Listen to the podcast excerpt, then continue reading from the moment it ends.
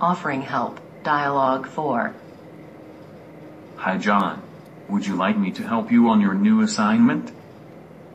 Hi, James. Sure. That would be great. Are you good at computer? Yes, I am. I am a good programmer. Great. I need your help to make a simple survey application. Just call me when you are ready to make the application.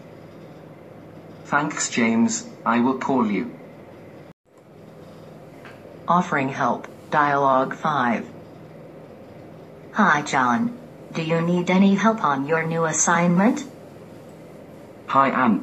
Yes, that would great. What can I do for you? Are you good in computer work? I am bad in computer. I prefer writing work. Great. James is good in computer work. We are going to work in teams of three. Sure.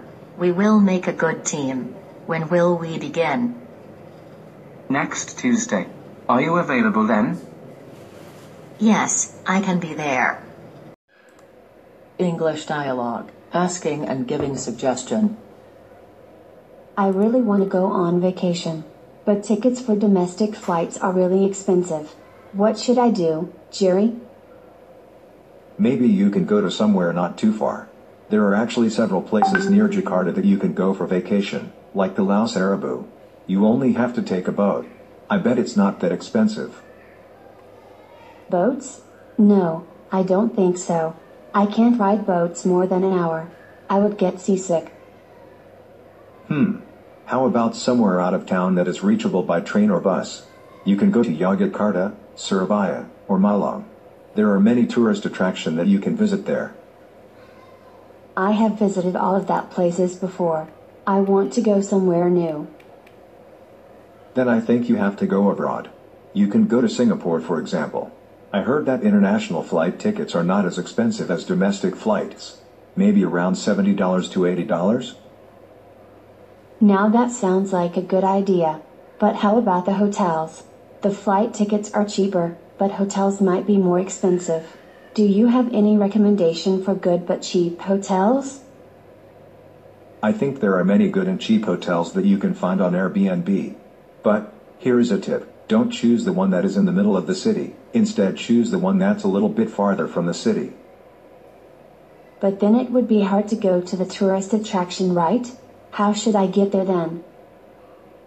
You don't have to worry. You should just take the bus. The bus route covers all part of the city. And I suggest you to get a tourism pass. With that pass you can take the bus and MRT everywhere for free. English dialogue. Asking and giving suggestion. Part 2. Dear God, that exam was brutal. I think I only answered three questions right. Now I'm exhausted and starving. Brian, let's go grab something to eat. What should we eat? Anything. I can probably eat anything right now. What if we go the new diner that Ruby mentioned yesterday? Isn't that like five blocks away from here? Are you sure that you are strong enough to walk that far? You said you're starving.